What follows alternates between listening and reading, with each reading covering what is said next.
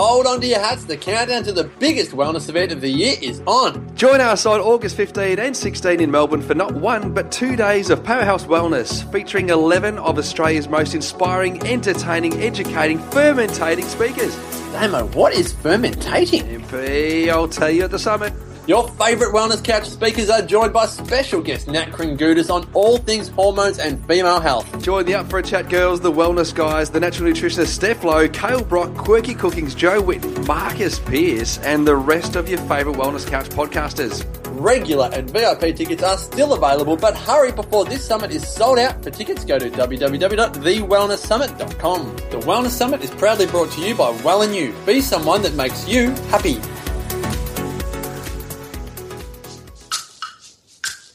TheWellnessCouch.com, streaming wellness into your lives.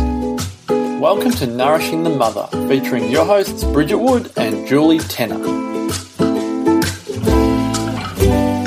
Hello and welcome to Nourishing the Mother. I'm Bridget Wood. I'm Julie Tenner. And today we're interviewing an expert, um, Elle Griffin. So before we get started into that, we're going to tell you a little bit about the retreat that we've got coming up that we're finally ready to tell the world about, um, our Nourishing the Mother retreat on the 8th of November. Over to you, Julie. it's look, we've really been able to pull together this fantastic day that I'm incredibly excited about that nourishes a woman's soul in so many areas. We really want women to walk out of that reconnecting with the joy and their bliss in their lives, delving into some pretty deep stuff, and certainly awakening their soul, connecting to their divine feminine, and really getting back in love with their lives and their mothering experience. So we've got both um, Bridget and I doing areas of, of that, as well as some guest uh, speakers in that. So it's an absolutely looking like an absolutely divinely amazing experience. And if you would really like to be part of that, reinvigorate your mothering journey and reconnect to your divine feminine, then please jump on our Facebook page and connect in, which is at Nourishing the Mother on Facebook. Yeah. So today we're interviewing Elle, who is the founder and editor in chief of Over the Moon magazine and also the host of Over the Moon Radio.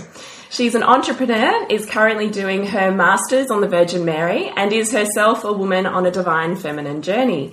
So, Elle, welcome and thank you for being part of Nourishing the Mother. Thank you. I'm so excited to be here. So we're very excited to have you here. Yes. And uh, hand over to Bridget, who's going to kick us off. So today we really wanted to chat to you about the most historical feminine archetypes, which for our Western culture happen to become from the Bible. Um, but really, what could you just tell us a little bit about how you've got to where you are on your journey, and, and I guess the, your explorations of uh, Marianology and and um, because I really think that there's so much that's not told in, in our current ex- experience of the Bible story. You know, growing up, you know, you, you very much fed the kind of the, the masculine view of, of Jesus and, mm-hmm. and all of that. And I myself, you know, schooled Catholic for 12 years and never really looked critically at that. And so I'm just kind of like opening the Pandora's box of this other way of seeing those stories and those powerful feminine figures. Mm. Yeah. So kind of what got me into all of this was that very thing, right? So I was looking for a role model in my spiritual life, and I just I wanted to develop myself more um, in a spiritual sense. And the Bible is written by men. You know, every every single book of the Bible is written by by a man, and um, and that's not a bad thing at all. But you, there is you know some context that you have to take into consideration when you're reading the Bible because you might notice that you know, a lot of times the men characters, the male characters in the Bible, they're given names, they have these roles. Um, and then the women characters, a lot of times they're not even named. Um, you just kind of hear like an aside mention of them. Um, and, and so it's easy when you're reading the Bible to say, this is what it looks like to be a spiritual person. But what you're really looking at is what it's like to be a spiritual person as a man. Mm. So for me, I found it difficult to relate to, say, the Apostle Peter or the Apostle Paul because they're coming at God from a very, very different relationship. I mean, you know, if you can imagine Jesus being alive today and you're hanging out with him with a group of friends a relationship that a guy would have with Jesus would be very different than a relationship that a girl would have with Jesus. I think that's just, you know, the, the way that we are. And, and you can even see that in the Bible, you know, um, the, the men, they're always doing stuff in the Bible. They're always like, okay, so you're so what you're saying is you want me to do this, and they go out and they have this big action plan. You know, they they write these books of the Bible. They they're going out and asking him to heal their sons. They're um, going out and preaching in his name. They're going out like right before when they got to Jerusalem, all the disciples go and they get him a donkey and they go find a place for them to stay. Um, and they're very, you know, logical, rational, action oriented guys. Um, the women in the Bible, meanwhile, you see like a story of like Martha and Mary, where there's this woman just like sitting at Jesus' feet listening to him tell stories. And this is a particularly interesting, um, you know, little story because in it, Martha is the sister and she's like cleaning the dishes and she's setting the table and she's doing all this stuff for Jesus. And he's like, Stop that. Your sister Mary has it right, who's just sitting here listening to me tell stories. So that's a very different. That's a very different relationship what Mary has with Jesus in that story. Is she's just sitting at his feet, she's just listening, soaking it all in. It's not very action oriented, it's very receptive. Um, so I started just kind of studying these women in the Bible because they're totally there, but they're just like a quieter force. They're not, we don't hear about them as much. They're almost sort of hidden, um, just because they didn't write the stories themselves. So they're, you know, being told about them. Um, and, you know, over and over and over again, we see that. We see that in, um, Claudia, Pontius Pilate's wife, who says, Don't kill this man, Jesus. He, you know, I had a dream about him last night and I think he's the Messiah. You know, that's just a one sentence thing in the Bible that you hear, and you hear this whole long drawn out story about Pontius Pilate trying to decide whether or not he wants to crucify Jesus and how he chooses this robber in his place and all this stuff that seems very, you know, action oriented. And here you have his wife saying, You can't do this because I had a dream about it. So hmm. there's all these just like stories of these women in the Bible, and they have a very different relationship with God, with the divine, where where they are, you know, they're listening to Jesus, they're having dreams about Jesus. They're, you know, Miriam in the Old Testament is dancing around the fire with tambourines, and that's how she prays to God. So there's this very unique, more intimate, more um, loving, nurturing relationship that the women have with God. And so I was just, I really wanted to study that so that I could learn how I could be in a relationship with God that was very feminine, um, very unique to us. So, so who better to study than, you know, the Virgin Mary? She's the ultimate. And in fact, for me, you know, working with the Virgin Mary was an amazing thing because a lot of what we get today, you know, she's the most prominent female figure in the Bible, apart from, you know, Eve. And she is where we get a lot of our stories about our sexuality, about purity, or about good and bad. A lot of that comes from Mary, whether you're religious or not, just because our society was religious for so long, and that made up a lot of early civilization was those stories about Mary. Um, That's really true. so this is where the archetypes start coming in because you're like, okay, if I have as a woman, you know, for example, I was, you know, one of those girls that in high school I was like, I'm saving myself for marriage, sex is a sin, all this stuff. When you start to tell yourself those stories, it helps to, you know, that can can be a little bit damaging on your system. Um, if you're, you know, starting to feel like there's like this um it's very common in Christianity to have this kind of like sinner syndrome Yes. where you're just like constantly feel like there's nothing you can do right and you feel like everything about yourself is wrong your sexuality is wrong your, you know your thoughts are impure you know all this stuff. So it helps when you're trying to heal these things to look at the archetypes. So to mm-hmm. find those stories of the people that did it right or that you feel did it right and to learn from them That's really exactly where we wanted to go, Elle, which is perfect that you've hit it off there. Because the three women that we really wanted you, with your expertise, to cover today was the archetype of the Virgin Mary, being that virginal, asexual archetype that so many women are compared to. And then obviously what I feel like is her direct opposite is Mary Magdalene being the very sexual, demonized version of the feminine, and then Eve being the creator of sin and of pain in womankind and all of this sort of um, concepts. They're actually the three we did want to really discuss with you today. So I love that you've opened that up and started with that as well. And I love that you touched on the Virgin Mary being this representation that, particularly for young girls going through puberty, can cause a lot of conflict about who they are and who their feminine is and, and what's okay for them to move into and out of. Yes, definitely. So, um, when we talk about the Virgin Mary as the archetype, I love that you were so open about your story of, um, which I know is so common for so many of the girls I grew up with. With if I looking at this particular way, this you know high buttoned kind of very virginal person, then I'm I'm pure and worthy. And if I slip out of that, then there's a sense of unworthiness and it, it sort of feels like a very tricky, slippery slope to, to fit in. Is there more that you could expand on with that and what you, well, I suppose what the scope is of the Virgin Mary as you see her and know her? Yes.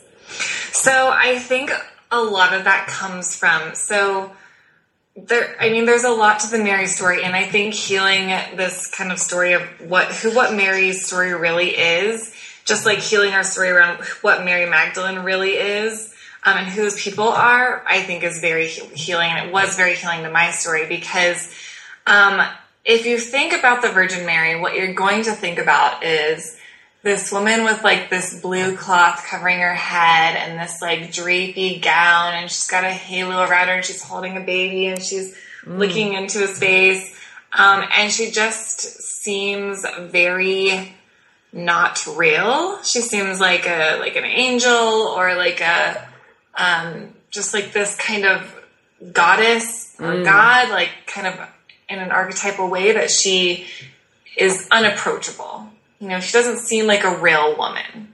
Um, she seems like kind of like a fantasy. Yes. Um, because over time, every culture has made her out to be whatever they viewed as divine. So the very first images of Mary came about in Europe, where to them royalty was considered, um, you know, the closest thing to God, to the divine. So they made her look like a Byzantine queen with the robes and the halos and all the crown and all that stuff. And meanwhile, you know, when when Catholicism came to South America, she became what they really revered was Mother Earth. So in her art, their artwork, she looks like this like Earth Mother with like stars all over her and like mountain. Her dress looks like a mountain, and people are walking all over her. Mm-hmm. Um, and so, whatever culture it was, put her up on a pedestal, whatever their pedestal looked like and that's kind of what was passed down to us over and over again. Um, what helps, I think, is to go back to the historical story of Mary as much as we can.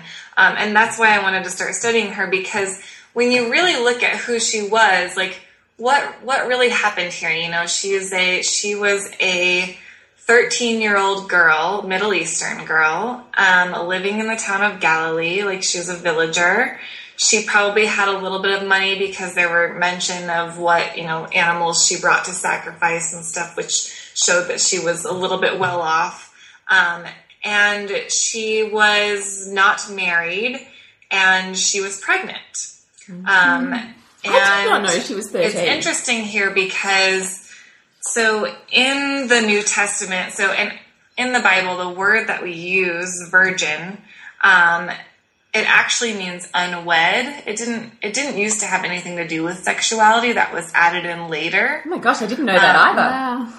yeah, so so it comes from the Greek, the Parthos, Parthenos. I'm going to mess that word up. I don't speak Greek, um, but she um, it it meant unwed, unmarried.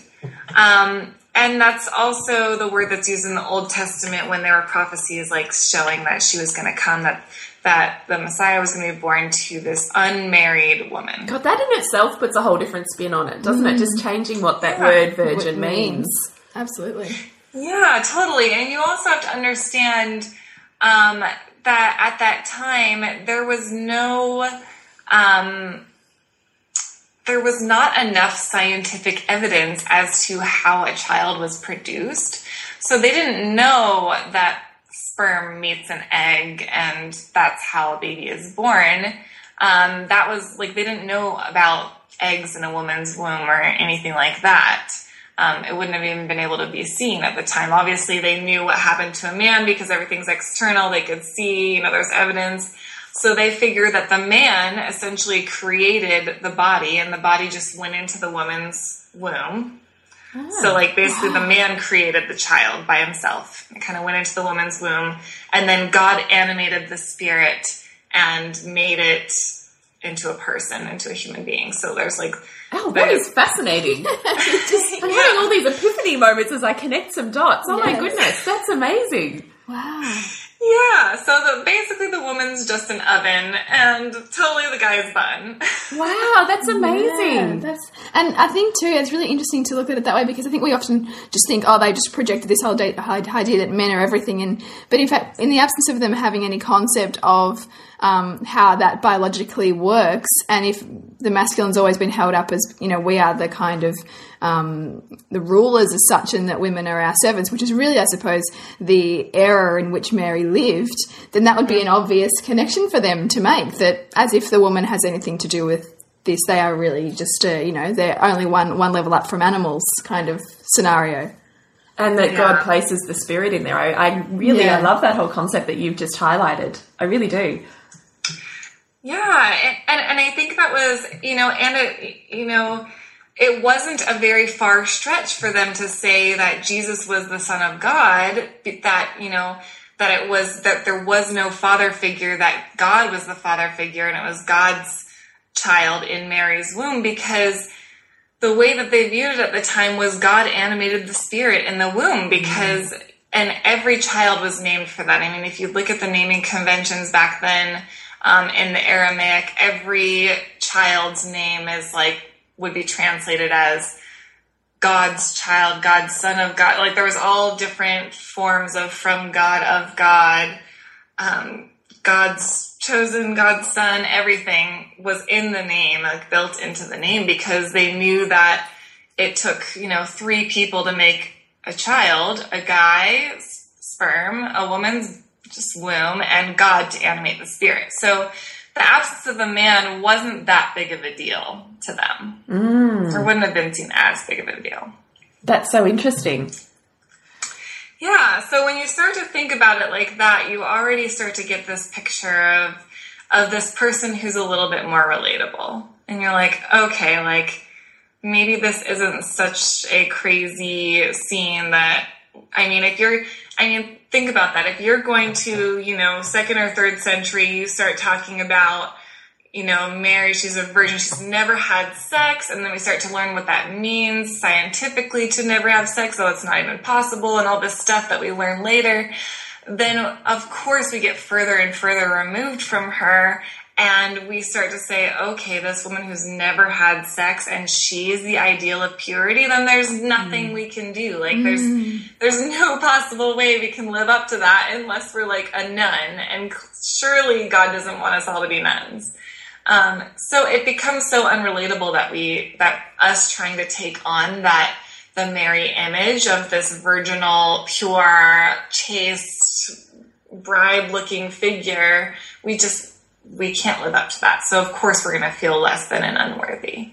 Um, but when we start to see her as this whole, this person um, that's just this 13 year old girl that's just pregnant, she believes in miracles, she believes God animates the spirit, brings people into the world for a reason, and she's just feeling so grateful to have this child and to be then to be you know taken care of by a man because then it would be presumably so we don't know very much about Joseph, but you know, according to the, I think that the best thing that we can learn about Joseph is based on the almost um, anthropology of the time, so knowing more about that culture at the time.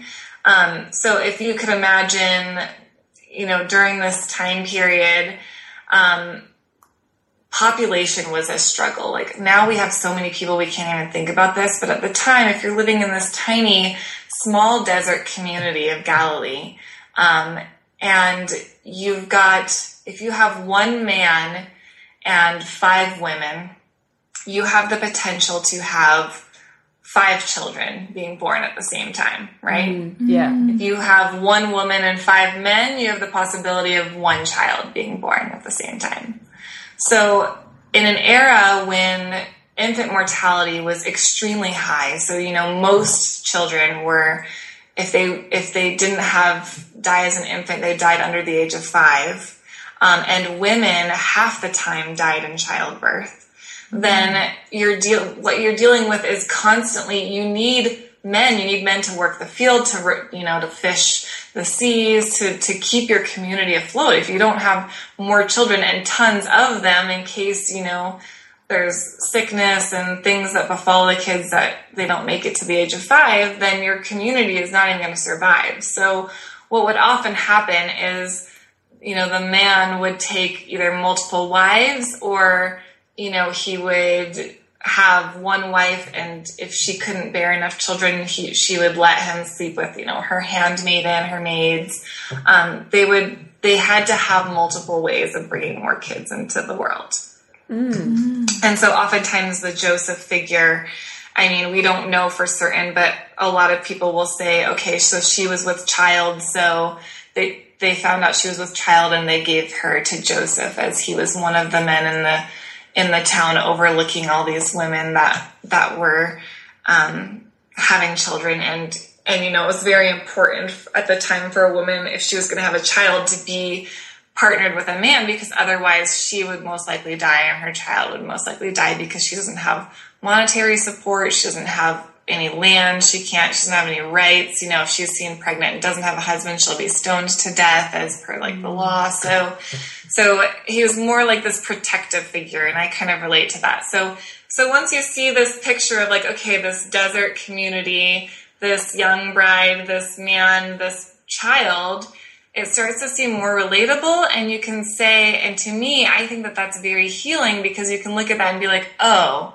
maybe she is just like me after all. Maybe it's not this so far removed. Maybe my holiness isn't dependent on an unrealistic image but rather a very realistic image so that's what i really like about it So, do you still see, given the word virgin has different context in that era, do you still see her as virginal in our modern day concept? Um, I'm not really sure actually. I've thought about that a lot and tradition, I do put a lot behind tradition because I think that tradition, traditionally she was seen as not having had sex. Um, but I, what, what I was thinking about when I was thinking about this recently was that it doesn't change the story for me either way. And so I got to a place where I was like, you know what? I don't need to get to the bottom of Mary's sex life. Nobody needs to get to the bottom of my sex life, and I don't need to get to the bottom of hers because it doesn't change the story to me at all. Like, I still believe that Jesus was the Son of God either way. Um, and I think what was more important about the whole story, about the Virgin Mary story, was what that what was behind that concept. So when they're saying virgin, when they're saying unwed, um, whether they're saying with or without sex, the point they're trying to get across here is she belonged to no man. She was nobody's property. Oh, Nobody's is wife. fascinating. Wow, yeah. She only belonged to herself. And that's what I think really powerful. Oh, Elle, I love that. So, in terms of the Virgin Mary archetype, you've really got, given us this fantastic historical reshaping of, of how to view her as, as a woman that we can connect with as opposed to a pedestal that's unattainable. How do you, um, what do you really see as an archetype for the modern day woman of the Virgin Mary? What you would like to see belief systems shift so that they can, I suppose what I'm saying is what are the, the negative viewpoints that we see the Virgin Mary with and how that influences modern day women's lives? And really, what is the way that we can shift that to aspire to take in part of the archetype that is her, the positive side? Yeah, so I think the the negative side is kind of what's what's obvious this sexual like anti-sexual being you know if you think about a lot of times if you think about the virgin mary being lived out today you would think about like a nun. You would think like the most spiritual person on this world is like a nun because she's the most like the virgin mary. And we might not even think about this like like um, consciously, but it's just handed down to us over time and time and time and time again. Like those are the messages that we start to receive, and even in even in the church, you know, I've I have had you know priests say I'm not allowed to speak in their church because they read my rating and they're like you're you're clearly not catholic or even christian because i'm Oh, saying some of the things that i'm saying to you now.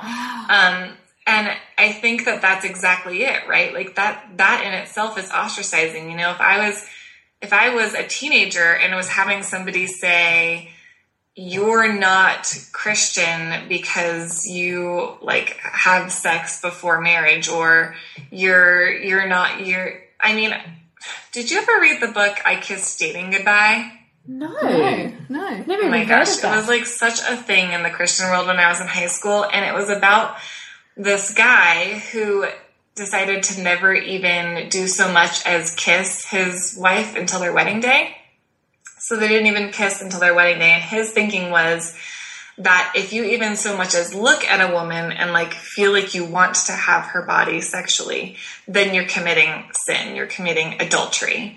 And if you even, you know, if you touch each other and it brings sexual thoughts to mind, then that's a sin. And so he didn't even want to like be a part of that at all. So he was like, the, let me get the furthest apart we can.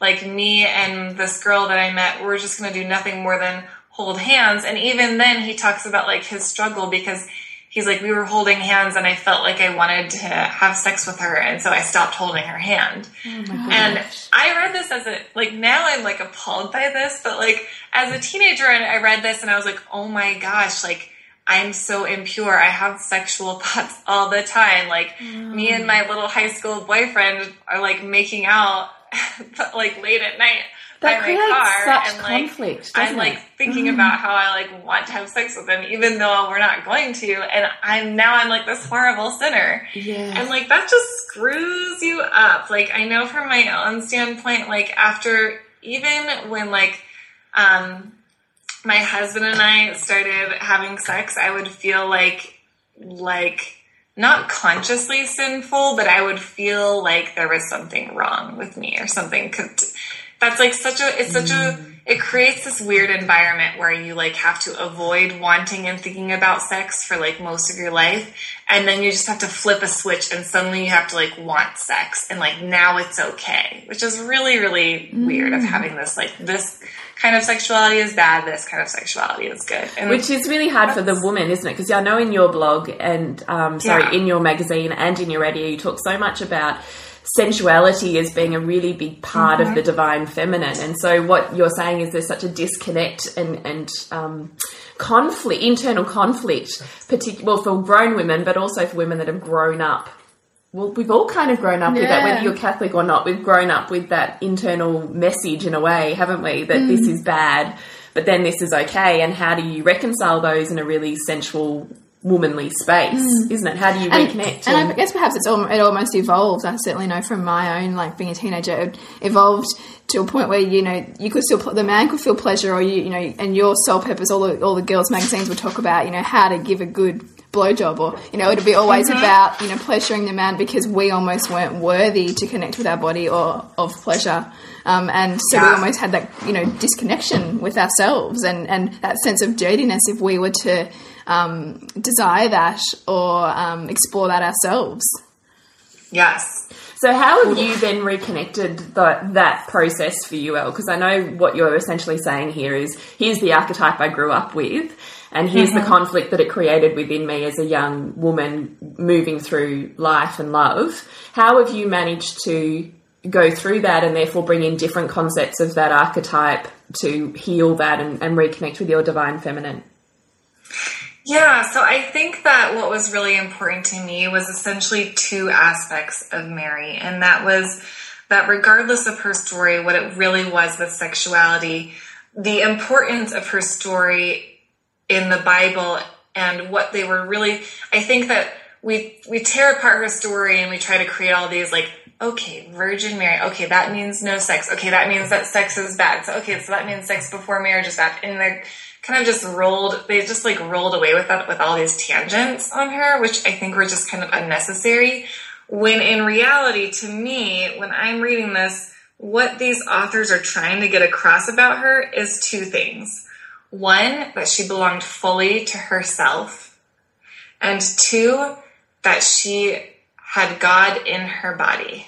Mm. So the archetype of her being pregnant with God is huge. That that is what they were trying to get across the most, more than anything else. Even even describing her as a virgin, whatever they're whatever they're using to tell her story, it's why that's important is because when they're telling the story, they're saying she was pregnant with God. Hmm. Like God was in her womb. And what I think is so potent about that is it's a physical representation that we can relate to. Like we have been told, we're told in the Bible countless times over and over and over again, God is in you, God is in you, God is with you all the time, every step of the way and every hair of your body. But we don't really get to like understand what that means to me until we see Mary pregnant with God. Because now we have this image that's like, oh, like God is literally inside me. Like not just like spiritually, not just like in my soul, but like in my physical body as a woman. Like God is in my pinky to the, such an extent, like mm. more than anything else. Like my mm. body is made of God. Yeah, I really get that. Um, so maybe next we'll have a look at Mary Magdalene, who obviously, well, my view of her is that she represents very much the sexual archetype, and with that comes a very negative connotation to the sexual woman, and certainly references her as a prostitute. Are you able to sort of pull her story apart a little bit for us? Yes. So Mary's a funny one because there's been so much with her in pop culture recently, you know, like the Da Vinci Code and the Gospel of Mary Magdalene being found and all this stuff. She's just kind of been everywhere. Um, and I think that it's been really interesting, especially seeing her as this like sexual archetype because um, there's really not a lot of founding behind that because for one, we've long believed that that she is you know the reason why they associate her with the prostitute is there's this unnamed prostitute in the bible. And um, later on they were like oh that must have been mary magdalene. Um, but there's really no connotation there. Like there's nothing to, that ever says that mary magdalene's a prostitute. Um, mary magdalene's story as told in the bible the only time that she's like named you know her the first time she's named is in relation to demons. You know, she's full of demons, her body's full of demons, and um, Jesus gets rid of them. They leave her body. Now, what those demons are, we don't know because um, there's so much back then that would have been considered demons. I mean, you could have like a strep throat, and somebody would be like, "You have a demon in your throat." That's probably an exaggeration, but um, but basically, the things that they couldn't understand or know that cause a negative impact on your body were often associated with demons. You know, that's why people like say bless you when you sneeze because they Yeah. they were trying to keep evil spirits from entering your body. Um, so so it was like there's no real founding behind that as Mary as this like sexual woman. We don't know if she was sexual or not from the Bible. Yeah. Of course, later on, there was this Gnostic text that was found called the Gospel of Mary Magdalene. And everybody makes a really big deal about that one because it says that um, Jesus kissed her on the mouth was a phrase used in that in that gospel.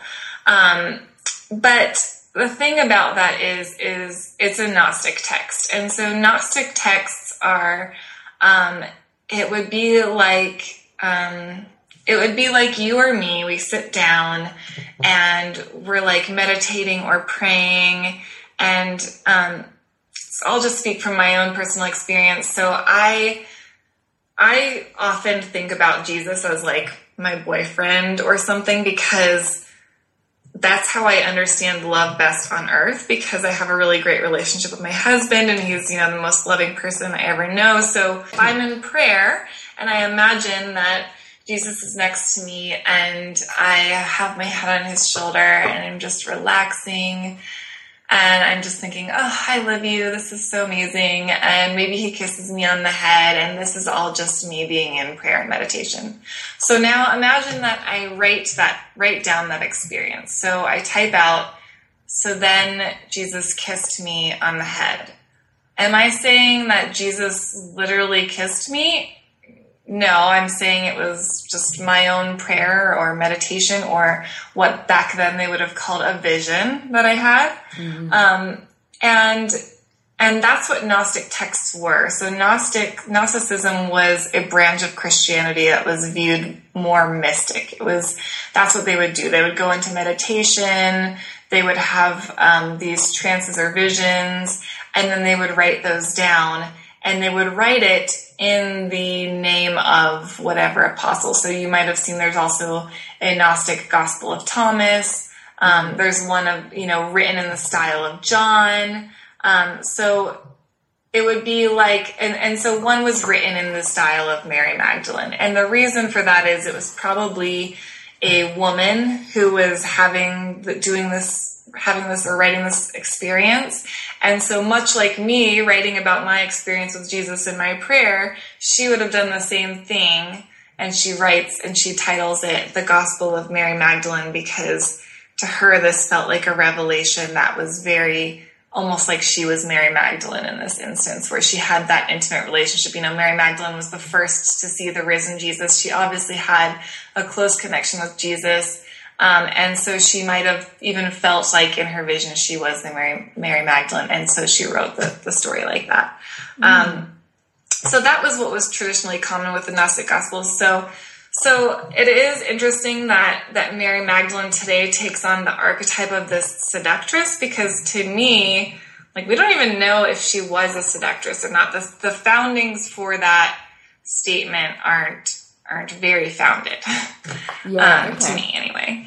No, that's. I'd actually heard recently one of my friends had said that she'd seen a documentary on Mary Magdalene, and in that documentary is a historical documentary that they had pulled apart that story, and they were putting forward the view that perhaps she there was a bit of jealousy between her and the men that were around at the time. And she was actually a woman of means, so she was probably a widow or something like that. Mm-hmm. And that she was almost like the manager of Jesus. So she was the woman who went ahead to the next village and organized the place where he would speak and all of these sorts of things. And so we're seen with him in a managerial role. And so they had quite an intimate, almost level relationship. Do you have you heard that at all?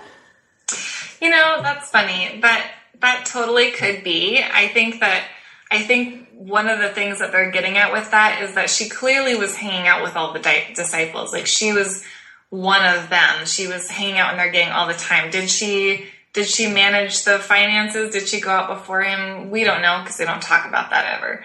Um, mm. but we do find her name popping up all over the place as if she was just in their band or group. And, you know, there may have been tons of women in that disciple group, but we just wouldn't hear about them because it was just the you know the tradition of the time you write down and document the men's names, but you don't need to write down and document the women's names.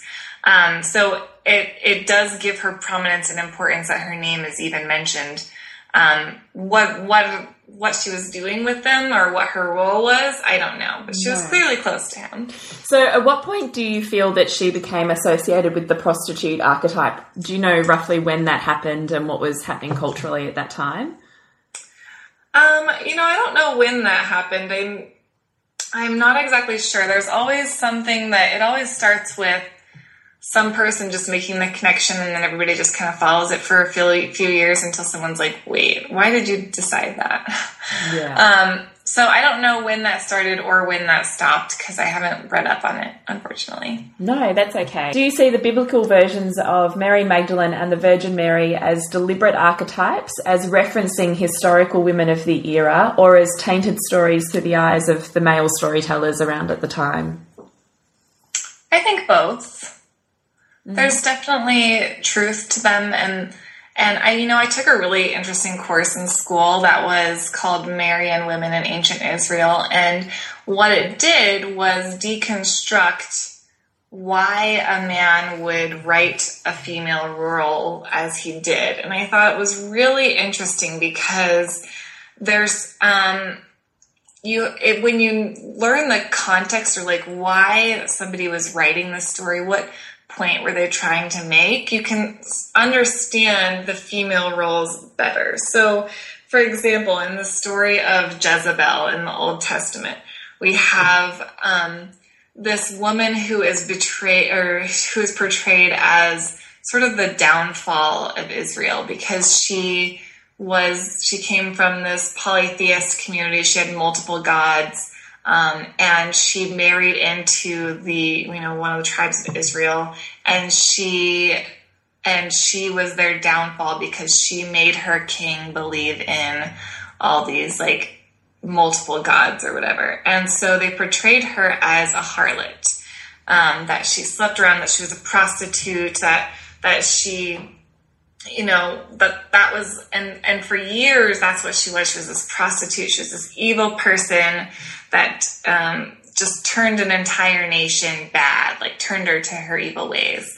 Um, and when but what you have to look at is like okay but what is the storyteller trying to say here? Um, why are they pinning it all on jezebel? Why give her the name harlot when there's nothing that shows any kind of sexual connotation there at all? And the answer is to them, she was cheating on God. So they were a monotheist, mostly monotheist community, believed in this one God, or at least this one God was the right God, and that all the other gods were bad gods. So she, if she's believing in all these other gods and worshiping them, then she's a harlot she's she's cheating on her, you know, prostituting her god. That's really interesting. Um, looking at it. And and so that was kind of the image they were trying to set out. Like if you believe in multiple gods, then you're not believing in your worship. You're not worshiping the one true God. So it's not necessarily the it's not necessarily who Jezebel was as a person. She wasn't necessarily a harlot. She wasn't necessarily a prostitute, but it was trying to show that you know trying to get a point across trying to make the monotheist case. Yeah that's so interesting. It's really it seems to me a bit, bit, of a theme that what we view now the words we're using currently modern day that are sexual actually have a completely different meaning when we're mm. looking at the historical reference yeah. Which then completely shifts the way that you view that story. I think it's just, it, it all just has this thread of um, really bringing some critical thinking around the stories that we're told and to understand the context in which they were told and, you know, the times in which they um, happened. Um, it's okay. really quite, really so interesting to, to look at yeah, perceptions of things and then look at, okay, how, how was it really in terms of what we actually know mm. mm-hmm. as opposed to those, those stories? Yes, that's so interesting. Um, it's funny, you, you mentioned. You, sorry. Oh, sorry. You know, you go ahead. I was just gonna say it's kind of like it's like if you like it's like if you go out on a date with a guy and you have this whole date and i don't know about you but uh, i have a lot of single friends that are dating and they always come back and like tell the story of this date in like excruciating detail. You're like and you're handing on every word you're like oh my gosh he did not say that. He did that? Oh my gosh you know? You come up they have this whole story of how the date went. So if a, uh, if you imagine one of your girlfriends telling them telling you the story of how her date went, you're you picture the guy a certain way. Well, imagine that you were the guy's side. The guy goes home to his guy friends and tells them all the story of his date. You would get two totally different pictures of what that date was actually mm, like. Yeah, There's the girl's version and the guy's version. Like my husband and I have, we've even had this happen to us once where like the girl comes and tells me the story, and the guy comes and tells my husband Garrett the story, and then we compare notes and later, and we're like, oh, I viewed him totally different mm. than he actually was. That's um, so. That's just fascinating because it also illustrates the, the power in terms of um, what to be a woman looks like for us. You know, if if those stories of womanhood are told through men, which is what yeah. you know happens has happened throughout history. Um, you mentioned earlier the Da Vinci Code, and I um in preparation for this, I, thought I must go back and have a look at that book because that, you know, caused such a stir, you know, sort of 12 years ago when that came out. And, you know, it was really denounced by the Catholic Church um, because it really, it suggested that um, it was all really about um, honouring and, and worshipping the feminine and that had basically been written out of history. Mm-hmm. What, what's your view on, on that whole, whole thing?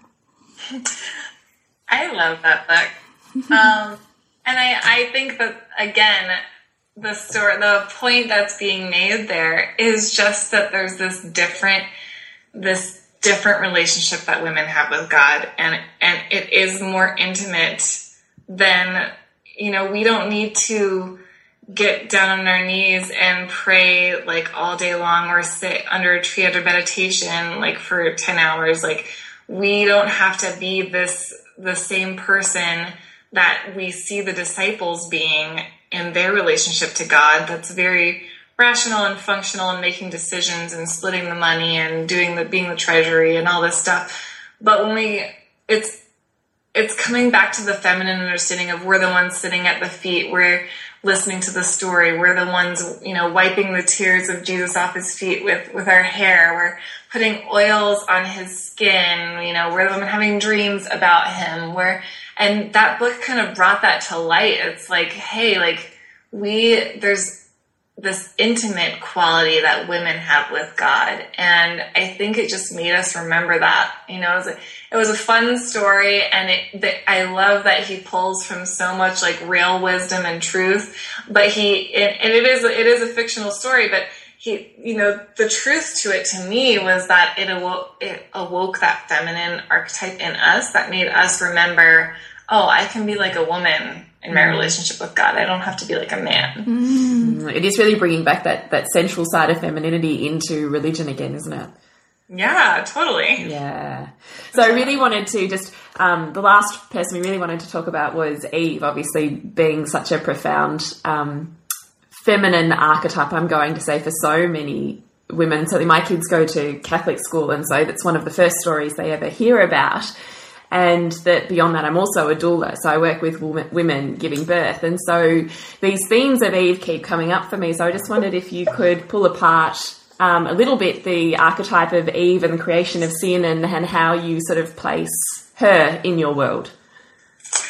Yeah, I love, so I think it's important to note when we're talking about Eve that Mary was set up to be the new Eve. So there's these two prominent women, the Eve in the Old Testament and Mary in the New Testament, where all of creation comes from Eve, and then the, the Christ, the Savior, comes from Mary. And sort of what this represents is Eve is this creator of life, um, but soon after, um, we have you know, we have this beautiful paradise and we're living in the trees and we're just naked and eating everything and it's amazing and we're just having sex all day outside in the leaves and it's just like this beautiful like oasis and all the trees just like leaning in to give us food and it's amazing. Like just total paradise on earth.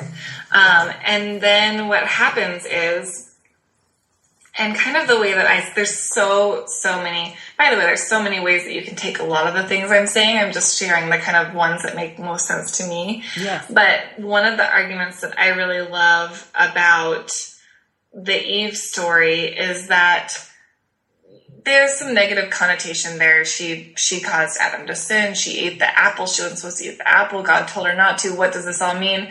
To me what it means is the disconnection, the disassociation of the feminine from the masculine, where before they're equal, you know, what it says in the Old Testament in Genesis, it says, um, and God created them in his image, in his own image, he created them man and female. And to me, that says the image of God is male and female. Mm-hmm. And so he created two parts of himself on earth, the male side and the female side. Adam and Eve.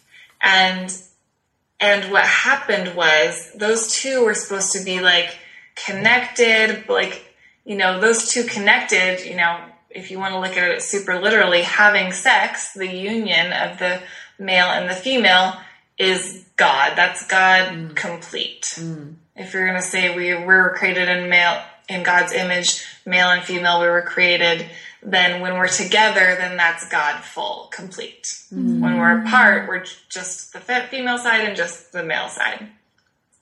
And what happens with this apple is we see this apple, and what it is is, you know, God saying, "Here's this apple. You know, don't. This is the only one that you shouldn't eat. You know, just this, just this one, because there's evil in the world, there's bad stuff in the world, and this is the tree of knowledge. And I created you as humans in this paradise, so you don't have to see all this crazy spiritual warfare that's going outside of you, uh, outside of this world I created for you.